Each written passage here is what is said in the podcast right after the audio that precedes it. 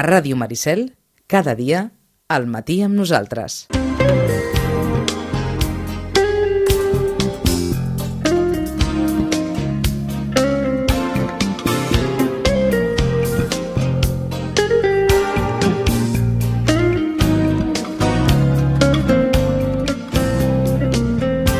Joaquim Millan, bon dia. Molt bon dia. Una nova hora d'Europa, com sempre amb el suport de la representació de la Comissió Europea a Barcelona, l'Oficina del Parlament Europeu a Barcelona, el Centre Europe Direct de la Diputació de Barcelona i l'Ajuntament de Sitges i la col·laboració d'Eurolocal. Eh, continuem repassant aquesta, aquests 30 anys o eh, aquesta situació en la que ens trobem després de, de 30 anys d'Europa. De, Sí, a veure, jo crec que a més eh, anar repassant una mica la història, no només quan parlem d'Europa, sinó d'inclús seria bo de parlant d'altres coses, és important perquè moltes vegades ens acabem oblidant d'on venim, el per què s'han fet unes coses, el camí recorregut, i a vegades només ens limitem a, a una mica al moment, no a viure el moment, a comentar el moment, això passa en tot. No? Per tant, jo penso que també és important recordar eh, quan vam entrar l'any 86 a la Unió Europea, el per què, eh, perquè en aquell moment eh, Europa era sexy, perquè ens entenguem, eh, perquè en aquell moment Europa per nosaltres va ser un paraigües eh, que era important, que ens podia aixoplugar i que ens podia fer avançar eh, i que ens garantia pues, pau, ens garantia democràcia. Pensem que ara parlem de democràcia aquí, fa 30 anys eh, era la gran paraula perquè no en teníem. Eh? Ara poder eh, la podem criticar, no acaba de funcionar, ens agradaria més democràcia, més participació, etc. però aleshores el problema era la paraula democràcia perquè no, no existia res de tot això. Per tant, hem avançat molt eh, durant aquests 30 anys, però suposo que tots tenim al cap i sobretot el, el dia a dia ens fa també posar en valor això, però a la vegada també qüestionar-ho. Jo crec que estem en aquell moment de posar valor a aquests 30 anys, però a la vegada qüestionar on ens trobem en aquests moments. Jo penso que, a més, és un, un exercici bo, perquè vol dir que quan tu qüestiones una cosa és que te la creus. Per tant, ens creiem el projecte europeu i per això ho qüestionem, perquè ens agradaria que fos d'una altra manera. Jo penso que aquí estem en aquest, estem en aquest punt i per això és molt bo, doncs, eh, doncs, per exemple, aquesta exposició que, que el seu comissari és el Fernando Guirau, que a més a més és una exposició pensada eh, justament eh, perquè la gent pensi o sigui, no, no és una exposició que parla d'una sèrie de coses i vale, molt bé, ja l'hem vist i cap a casa, sinó que és una exposició que et dona a pensar, que et dona a reflexionar, que et dona a, a, a per què no debatre, i jo crec que és una mica la gràcia d'aquest tipus d'exposició que a vegades poden ser molt institucionals i que pots pensar, serà, segurament serà avorrida, i en canvi quan la vas a veure, en surts d'allà pues, pensant, ostres, pues, primer hi havia coses que no sabia, segona, m'està generant poder més preguntes de les que tenia quan hi he entrat a veure l'exposició, cosa que també és molt bo, i tercer, que, que, bueno, que no, no s'està no posicionant eh, senzillament en un sentit o en un altre, sinó el que fa és eh, explicar una sèrie de fets que han, que han passat durant aquests 30 anys perquè tu prengris la teva decisió i la, la teva valoració. L'exposició que estarà que està oberta des del passat 15 de gener fins al proper 12 de febrer sí. a la sala d'exposicions del campus de la Ciutadella de la Pompeu Fabra. Correcte, i després anirà pel territori, Girona, Tarragona, Lleida, etc. No? Uh mhm. -huh. I... què, què hi ha en aquesta exposició per, per fer-nos una miqueta la idea gràfica del que, pot, eh, del que poden trobar els oients? D'entrada jo el que puc dir és, abans d'explicar quatre eh, trets fonamentals que després en Fernando eh, ens podrà eh, aclarir o detallar, eh, hi ha una cosa que és molt interessant i és que aquesta exposició, perquè tingui una idea del que ens trobem, si cliquem ara fa 30 anys UPF, eh, ens sortirà eh, a Google, ens sortirà exactament llavors eh, la, la, la web exacta la, eh, i per tant la podem veure, la podem veure, la podem visualitzar prèviament allà, allà, a la part més important, no tota, uh -huh. eh, perquè si no ho descobriríem tot, i, i la podem visualitzar per saber què ens trobarem. Per tant, jo penso que és important. Què ens trobem? Ens trobem, doncs, eh, ja crec que hi ha tres o quatre eixos importants. Un és eh, explicar el recorregut hm, històric eh, a través de mitjans de comunicació, a través de fets concrets, etc etc.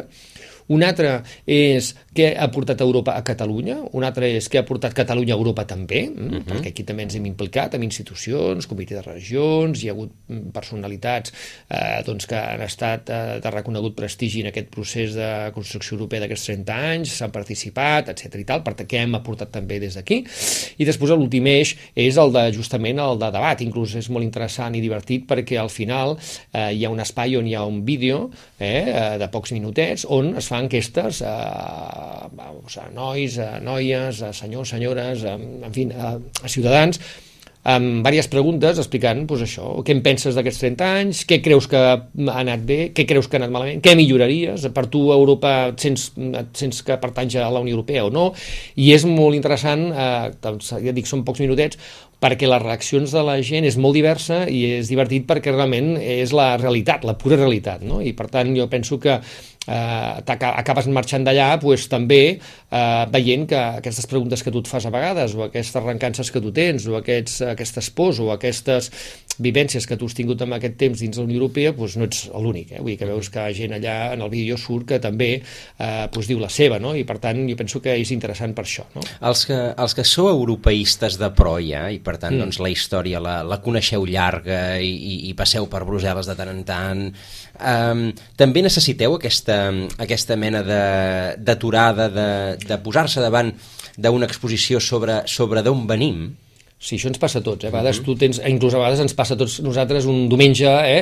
que agafes a, a tu pregunta i, i ara ja no és tan habitual perquè a, eh, les fotos les portem al mòbil quasi, quasi, però encara pots treure aquells àlbums familiars i tot cop comences a pensar i dius, ostres, i ara et pares a pensar, no? Perquè, oi, això no hi havia pensat feia temps, o alguna imatge familiar que et fa recordar uns temps concrets. Per tant, també els que creiem en un projecte, perquè Europa no deixa de ser un projecte, a vegades una aturada com obligada, en aquest cas per, per aquests 30 anys, i l'exposició és un motiu perfecte per fer aquesta aturada i veure'ns una mica al mirall i veure, ostres, aquest camí que hem recorregut, què ens agrada, què no, què canviarien, i sobretot, el que tu deies molt bé, Joan, eh, també els que creiem en el projecte és important de tant en tant parar, pensar reflexionar, debatre, per tornar a continuar amb, amb, amb noves idees per les noves etapes, perquè la societat canvia. El projecte europeu és un, però s'adapta a la societat, s'adapta als ciutadans.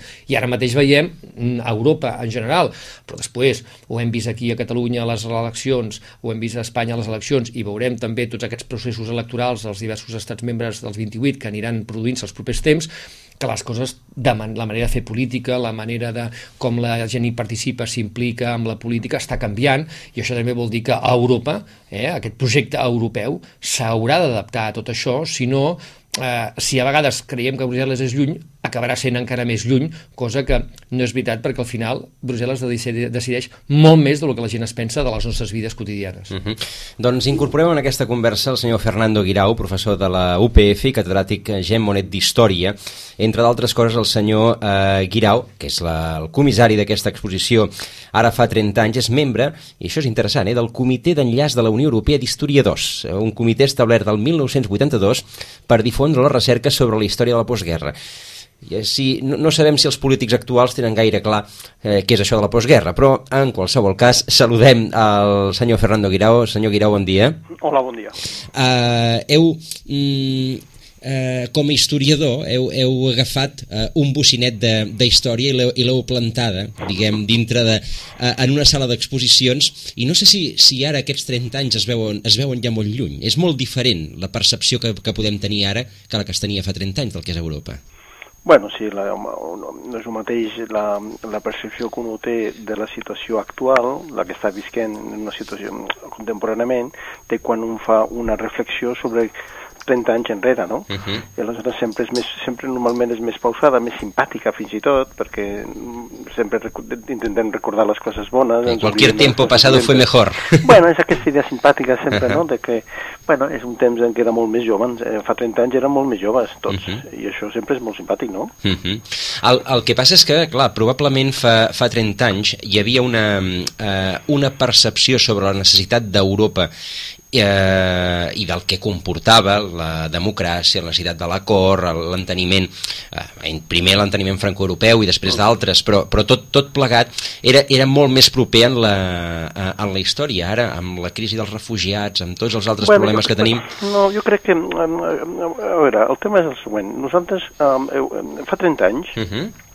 la incorporació d'Espanya a, a, a les comunitats europees significava per nosaltres una cosa molt excepcional, que era fonamentalment abandonar el que era una situació que nosaltres creiem, percebíem com a anòmala, era que nosaltres, la península ibèrica, no formava part del projecte europeu i nosaltres pensàvem que el destí natural d'Espanya havia de ser formar part d'aquesta família europea, per tant, deixaven, deixaven davant, deixaven enrere el que era un malson, que era el franquisme i totes les conseqüències del franquisme, i en tenien tota la il·lusió d'aquesta potencial de creixement i de transformació que comportaria uh, l'addició a les comunitats europees. Nosaltres ens volíem assimilar aquella gent que veiem que eren pròspers, uh, que tenien molta estabilitat, que eren molt educats, que eren més, més benestants que nosaltres. Per tant, era, d'una banda, la il·lusió d'abandonar això que era un malson i la il·lusió també de poder-nos apropar al que era un, un, un mirall, un model molt més desenvolupat, ric i, i atractiu del que teníem nosaltres en aquest moment específic. Uh -huh. Hi havia, i això era una situació, diguem, anòmala.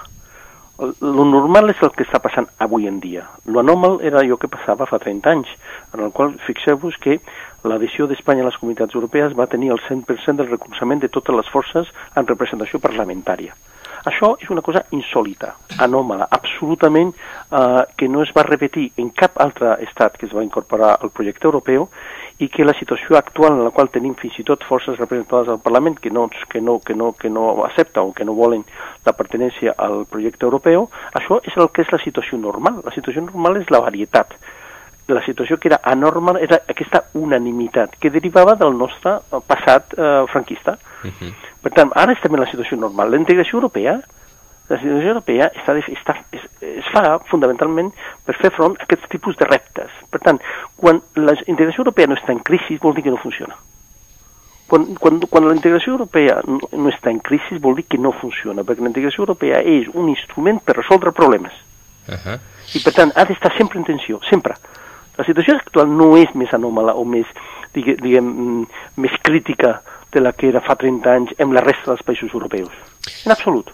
El, Aquesta el... és una visió molt, molt distorsionada per la nostra pròpia experiència. Correcte, el que passa és que fins a quin punt es pot acceptar el nivell de crisi, és a dir, fins a quin punt la, la pròpia Unió Europea pot posar en, en qüestió els seus propis principis a l'hora d'avançar eh, eh, per, per evitar dissensions. I ahir vam tenir la signatura amb Cameron sobre que, bé, els immigrants, bueno, bueno els immigrants, oi? Eh, clar, fins a quin punt... Bueno, eh... però això, això ha passat contínuament. No és la primera vegada que una cosa d'aquestes passa. Va passar amb la crisi de la, de, la, de, la, de, la, de la cadira buida en França. França, l'any 64, va posar absolutament en qüestió la viabilitat de la Comunitat Econòmica Europea si no s'acceptaven uns termes específics.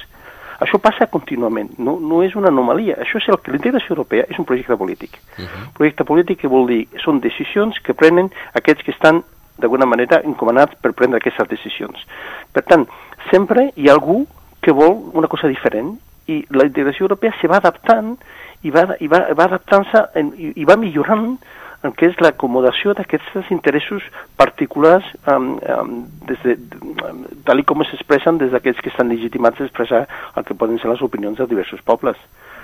La, la, la, el que sí que intenta dir uh -huh. és que la integració europea ha d'estar sempre en crisi. Sisplau, hem de pensar això, ha d'estar sempre en crisi, perquè el, el futur sempre és molt complicat. I l'única cosa que fa la integració europea és dir, escolteu, aquest, aquest futur, que és molt complicat, ho fem plegats.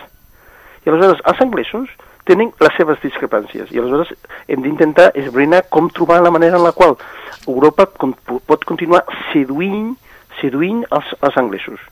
Això és exactament el mateix com el que tenim en tot el problema del, del procés català. És legítim o no és legítim? Bueno, no ho sé, el tema està en que, òbviament, el projecte comú, que és el projecte de l'estat espanyol o d'Espanya, ha de continuar seduint a una majoria dels, dels, dels catalans. Per tant, hem de tractar tots els temes exactament de la mateixa manera. La democràcia significa això.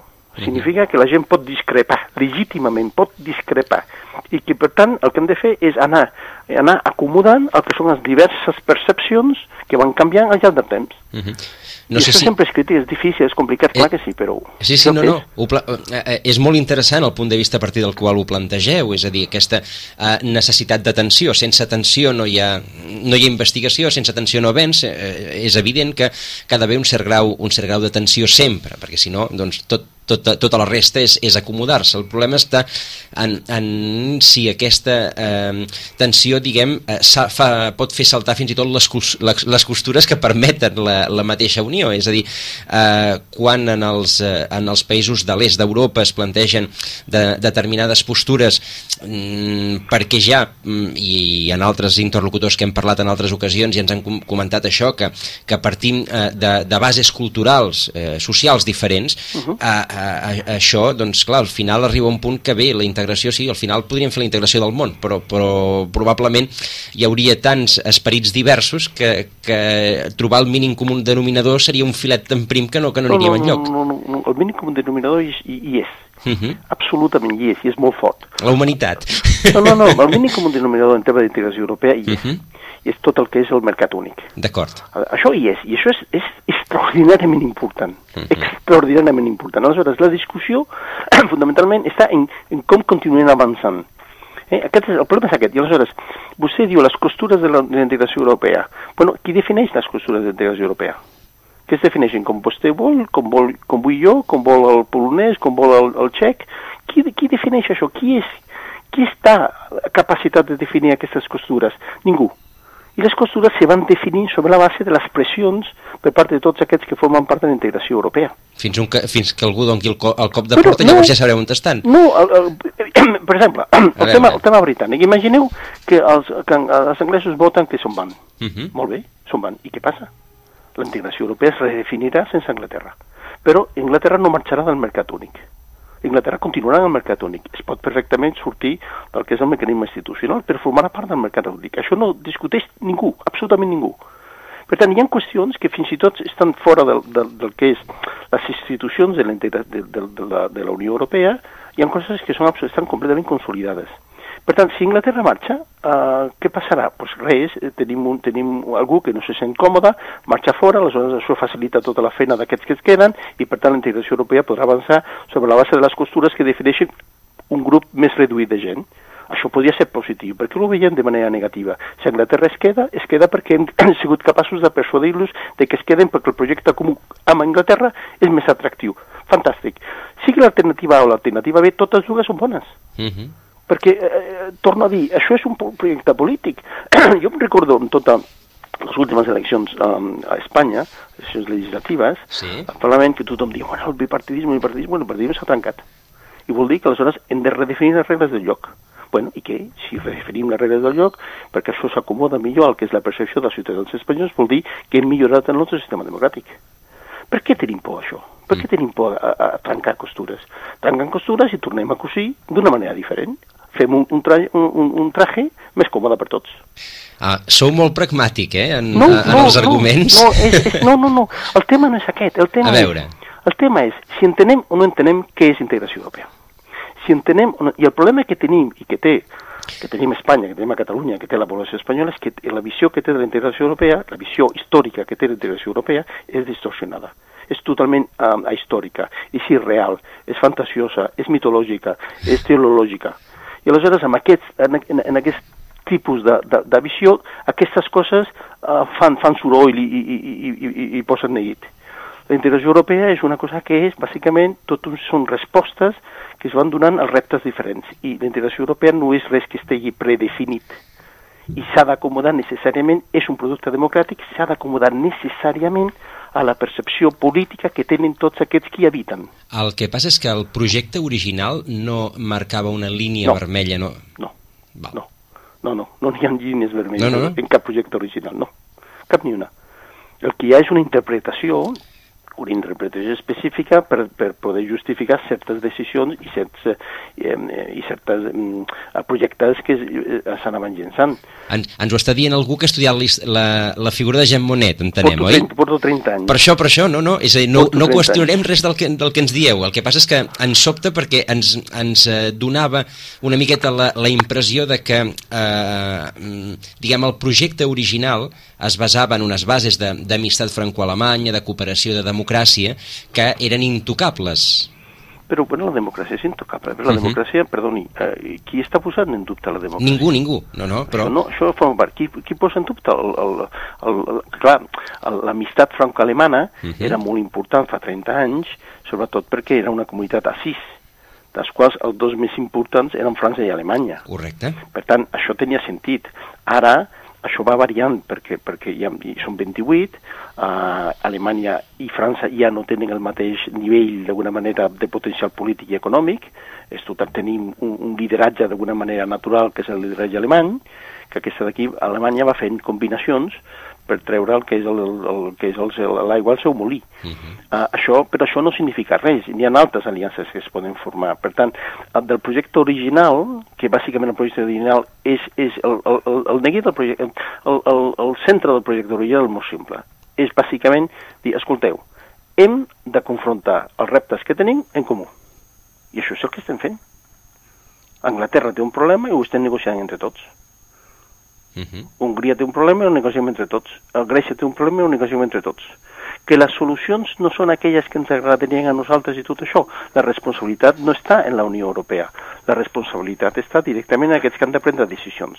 Per tant, quan, quan acusem la Unió Europea de no fer no sé què, hem de tenir hem d'anar a parar molta atenció perquè la hem de saber exactament qui té la responsabilitat i en aquest cas la responsabilitat la té aquelles, aquells governs que són incapaços de prendre decisions valents davant del que és el tema del repte del, del, de la, de la, dels refugiats, per exemple. Uh mhm. -huh. La Unió Europea està cridant contínuament i està dient això, això ens perjudicarà, perjudicarà la imatge, la imatge de la Unió Europea, no és només l'imatge, sinó, sinó la percepció de quina és la naturalesa de la Unió Europea en, una, en, en, en la propera generació escolteu, poseu-vos les piles, però que els nostres governants cadascú té la seva agenda local i de corta volada.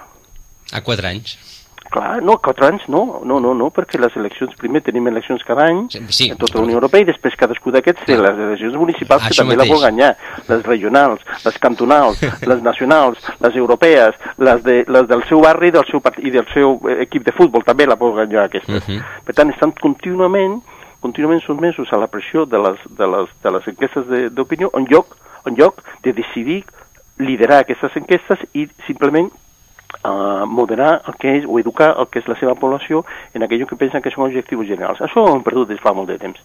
Una de les, una de les coses que s'ha deteriorat en la integració europea és la qualitat del seu sistema polític. I això és molt important. És dir, el sistema polític de fa 30 anys era un sistema polític molt més atento al que eren els, els interessos d'alguna manera que podien definir interessos generals i ara aquests interessos generals s'han fraccionat eh, extraordinàriament i no tenim això. I per tant tenim governants que no ens representen, que no representen allò que nosaltres voldríem que representessin davant del que és el Consell Europeu. Per tant, nou problema, és a sí, dir, sí, els, sí. els governants que són els que han de prendre les decisions en pro d'aquesta Unió Europea tampoc representen al 100% els interessos Clar. dels seus ciutadans. No, sí, bueno, el, el problema fundamental de la integració europea que vostè mencionava, que si, migració, que si, que si Gran Bretanya, que si els refugiats, que si la immigració... No, el problema fonamental de la Unió Europea és la qualitat de les 28 democràcies que la formen. Si la qualitat de les 28 democràcies que la formen fos més elevada, la Unió Europea seria de més qualitat i respondria millor i més efectivament al que són els reptes de futur. Com que la qualitat d'aquestes democràcies està baixant i està baixant d'una manera accelerada, i no té res a veure la integració europea amb això, no té cap responsabilitat en aquest tema, és una lògica completament local o, o, o regional o, o, o, o com diguem, uh, com que aquesta qualitat democràtica està baixant, vol dir que la integració europea s'està deteriorant. Però la manca de decisions d'una un, certa envergadura és degut a la manca de qualitat dels, dels sistemes polítics que li donen, que li donen, que li donen base, que li donen sentit. Per tant, hem arribat més o menys per diferents camins al mateix, a, al mateix punt d'arribada. És a dir, aquesta percepció que pot tenir el ciutadà sobre que la, ciutadà, la Unió Europea s'ha estat descafeinant en els seus uh, objectius, enteneu que no seria tant això com que la qualitat democràtica dels governs que decideixen i que tenen la responsabilitat d'aquesta Unió Europea sí que uh, és tan baixa que en el fons desca descafeïna els objectius finals. Clar, però, però la qualitat del sistema democràtic és responsabilitat de l'individu. Local, no, no de la Unió. Clar, és mhm. responsabilitat uh -huh. seva, meva, de la, de la seva família, de la meva família, del seu veí i del Correcte. meu veí. Per tant, aquí al final la responsabilitat de que això no funcioni no està en, en allà, està aquí. Està en cadascú de, de, de l'individu. Nosaltres també som responsables d'això. Si la qualitat democràtica de, la qualitat democràtica dels sistemes que nosaltres podem seleccionar, escollir i que nosaltres eh, escollim els nostres representants fos, fos, fos millor, això repercutiria necessàriament en la millora del que és la integració europea en el seu conjunt. Uh -huh. Perquè pensi, no sé si ho deia el Joaquim Millan abans, penseu que la integració europea, la, la capacitat de decisió que té és molt reduïda, eh? Bona part d'allò que ens afecta, bona part d'això que ens afecta a nosaltres, és, són decisions estrictament locals. Tot el tema tot el tema sanitari, tot el tema, de, de, tot el tema educatiu, tot el tema aquest que té que veure amb regulació del mercat de treball, tot el tema que té que veure amb pensions, tot allò que té que veure amb, amb immigració, tot això és ambient totalment local i nacional. Per tant, són aquelles coses que ens amuinen des de fa 7 o 7 o 8 anys. I tot això, tot això és estrictament local. Per tant, allò que nosaltres pensem que la integració europea no està funcionant és bàsicament perquè, perquè el, el nivell local no està funcionant. És així de simple. Eh, tenim dos milions i pico de, de, de, de, de refugiats, dels quals, dels quals només legalment hem distribuït 236. Sisplau. I això qui, qui, qui, qui, té la responsabilitat? Juncker? No, la responsabilitat la té cadascú, cadascú dels nostres governants.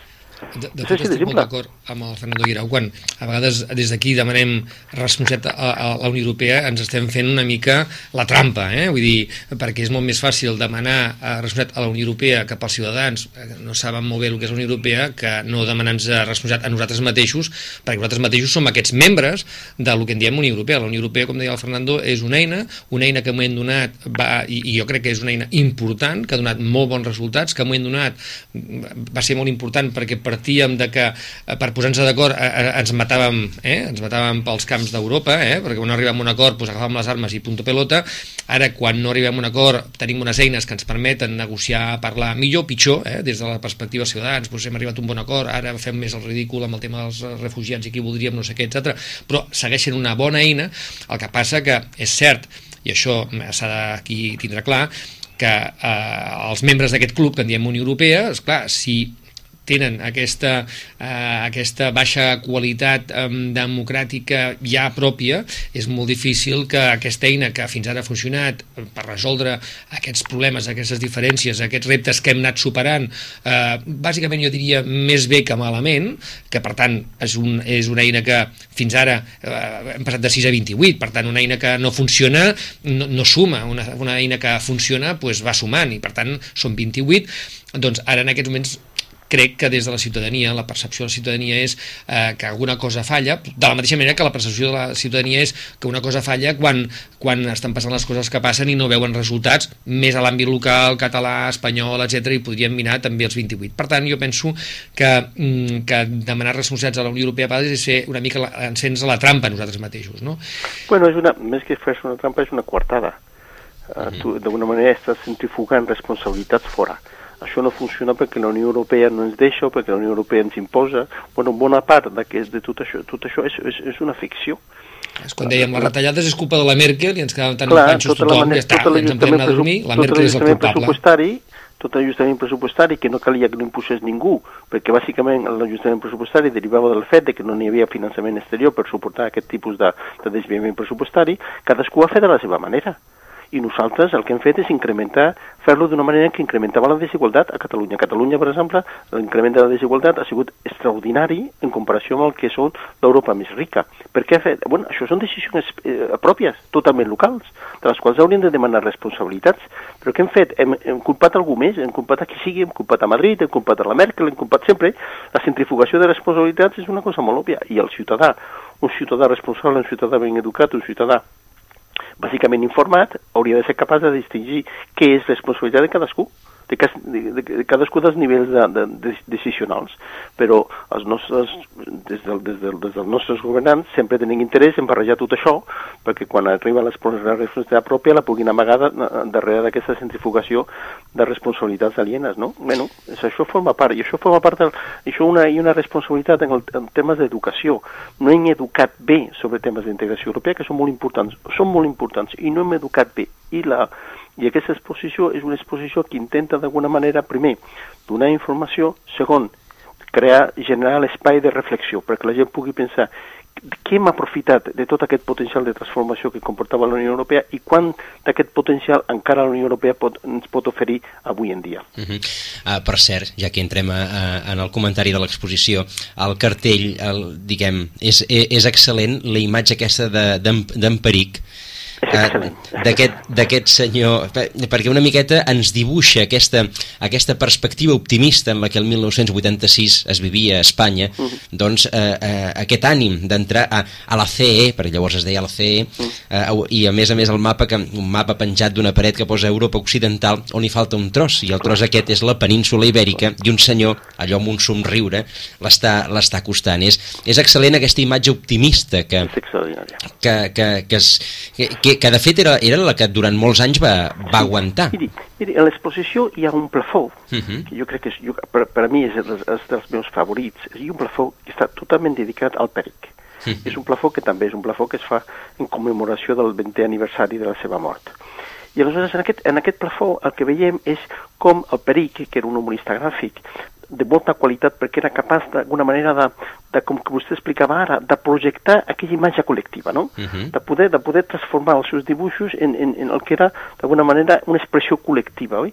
I aleshores es veu des de l'any 71 fins a l'any 95 en què va morir, des del 71 al 95 hi ha 10 o 12 vinyetes en la qual es veu perfectament l'evolució del pensament d'alguna manera, diguem, col·lectiu sobre el tema europeu.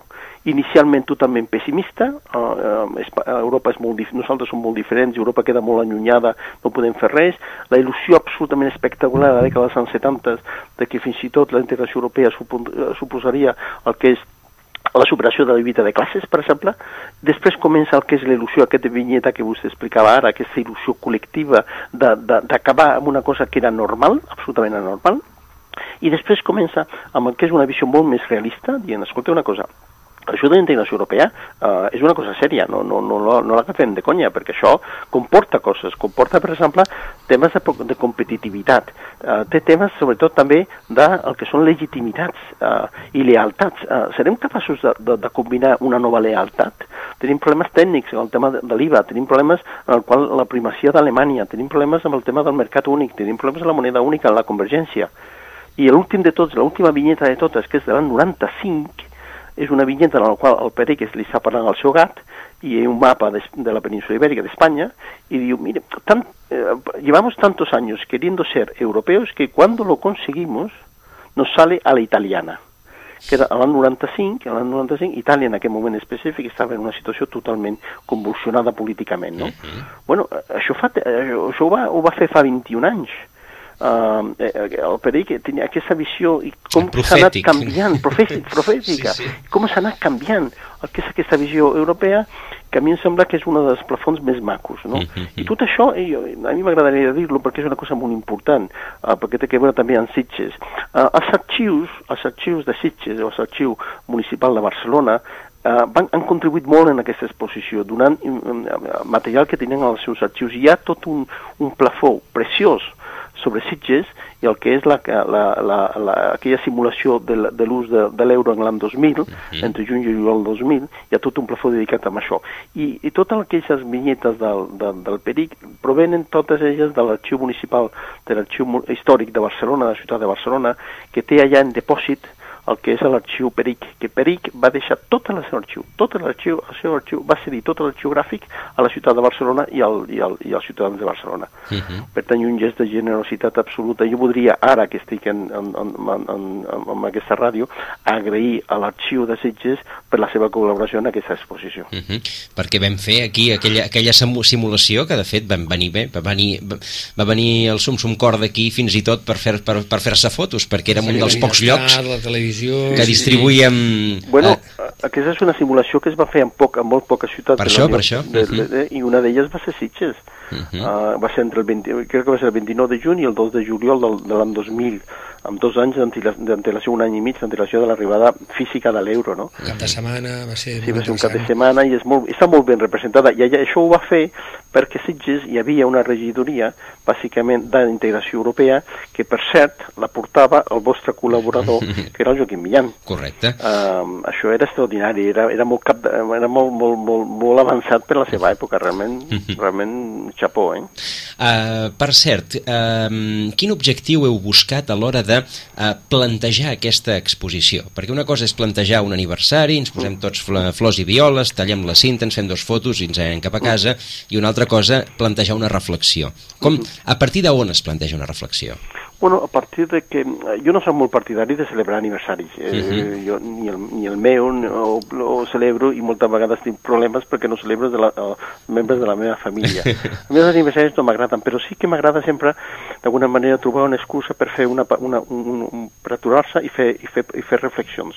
I aleshores, en aquest moment específic, en aquest moment específic, el que ja ho, ho sabem perfectament, tota l'audiència que està escoltant aquest, aquest programa, el tema europeu d'alguna manera és el terreny més transitat de la confrontació social, eh, ideològica, política i territorial d'aquest país en aquest moment específic. Uh -huh. Per tant, jo crec que calia, i per això que ho he fet, aquesta exposició no l'he fet, a més que per això, un, un moment de reflexió per aturar-nos una miqueta a pensar què, va, què ha significat Europa o la integració europea en 30 anys i, per tant, tenir d'alguna manera una base sòlida per poder prendre decisions de cara al futur. Jo crec que això, és, jo crec que en aquest moment, 2014, 2015, jo porto 21 mesos um, preparant aquesta exposició, uh, era, el, era, va ser, era el moment ideal per poder fer aquest tipus de, de reflexió, perquè la distorsió sobre temes europeus era d'una grandària ja absolutament uh, extraordinària. Ens heu comentat abans que sense crisi no hi ha, no hi ha avenç, no hi ha innovació, òbviament... Uh, eh, la Unió Europea ha anat passant per diverses crisis, ara n'està en una, en una crisi de, eh, gairebé d'identitat, podríem, sí, sí, sí. Eh, podríem dir. Um, des de quan va haver la integració fa, fa 30 anys, la, la percepció era d'optimisme absolut. Eh, la nostra. A, la nostra, la nostra. La, nostra, eh? eh, la gent que aleshores tenia, jo què sé, 30 anys, ara en té 60, sí. la gent que abans, en, que llavors en tenia 10, que eren nens, doncs ara en tenen, ara en tenen 40, i, el, i els que no havien nascut o van néixer aleshores, ara en tenen 30. Sí, sí. Eh, probablement entre aquestes generacions, entre els que tenen 60, els que tenen 40 i els que tenen 30 o 20, la percepció d'aquesta unió és diferent? És molt diferent, sí, sí. Sí, sí, òbviament és diferent, perquè això és una... Aquí hi ha una vivència generacional, òbviament. És una, la, la, la, la generació que té 60 anys, el fet de que la integració europea signifiqués d'alguna manera la superació del que és el conflictes bèl·lics, això, per exemple, és, és, és un de les, dels elements fonamentals de la seva interpretació. Uh -huh. La meva generació ha conegut la, la, la guerra de Iugoslàvia, nosaltres hem conegut la guerra Jugoslàvia, això era en frontera en la Unió Europea, i la Unió Europea va ser incapaç de fer absolutament res. I han degut de venir els americans per poder posar pau i fi a un conflicte que, que suposava d'alguna manera un qüestionament absolut del projecte europeu. Uh -huh. Per tant, nosaltres aquesta idea ja no és tan forta, tenim altres, altres, altres uh, la integració europea té altres, uh, altres uh, punts forts, i la generació que ara té, que té ara 20 anys és una generació molt decebuda, perquè porten 7 anys de crisi. Aquells que tenen 20 anys ara tota la seva, tota la seva joventut ha sigut una joventut en crisi, amb una situació totalment anòmala, amb, amb tasses de desocupació totalment històriques. Per tant, clar, cada generació té la seva percepció, però cap ni una d'aquestes generacions, cap ni una, tot i que siguin molt crítiques, cap ni una renegueix de la, de la integració europea. Per tant, no n'hi ha cap que digués, bueno, sense Unió Europea estaríem millor. Tots diuen, volem una integració europea diferent, una Unió Europea diferent. Això, només això, Només això és tremendament valuós. Doncs, eh, com ens queda ben bé un minut, no, no, no obrim nous temes, perquè si no ja, ja, ja hauria per continuar-ne parlant. És interessant aquesta reflexió final, final que ens heu fet, Joaquim. No, jo, jo agrair al Fernando eh, el que hagi pogut estar avui en el programa. De fet, vull dir, sempre, sempre, ja t'ho deia abans, de, allò de micro, a micro tancat, que mai et deixin diferent eh, i, per tant, sempre ens aporta eh, frases que després et donen a pensar.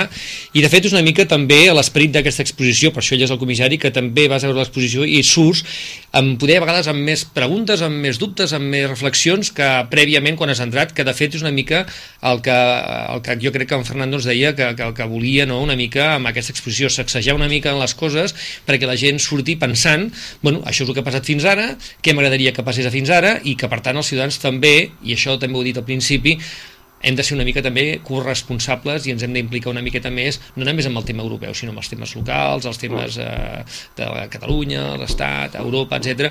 I per tant, en aquest sentit, jo crec que compleix molt bé l'objectiu i, per tant, felicitar-lo una vegada més per aquesta iniciativa que, que bueno, estic segur que les persones que l'hagin vist i que puguin anar-la a veure pues, eh, ho agrairan. Doncs estarà oberta fins al 12 de febrer a la sala d'exposicions del campus de la Ciutadella de la Universitat Pompeu Fabra. Eh, Fernando Guirau, que, eh, professor eh, de la UPF, catedràtic, gemonet d'Història i comissari d'aquesta exposició ara fa 30 anys. Moltíssimes gràcies per haver-nos atès. Gràcies a vostès. I doncs que, eh, que vagi molt bé i a veure si aquesta crisi, si aquesta crisi ens porta, ens porta millors, millors fruits. Moltes gràcies. I Joaquim, doncs moltes gràcies Moltes una vegada més. I fins la propera, fins al mes que ve. Fins al mes que ve, a veure I més Joan. coses sobre aquests 30 anys. I vostès, doncs, ara 5 minuts, notícies amb la xarxa i després més coses. Fins ara.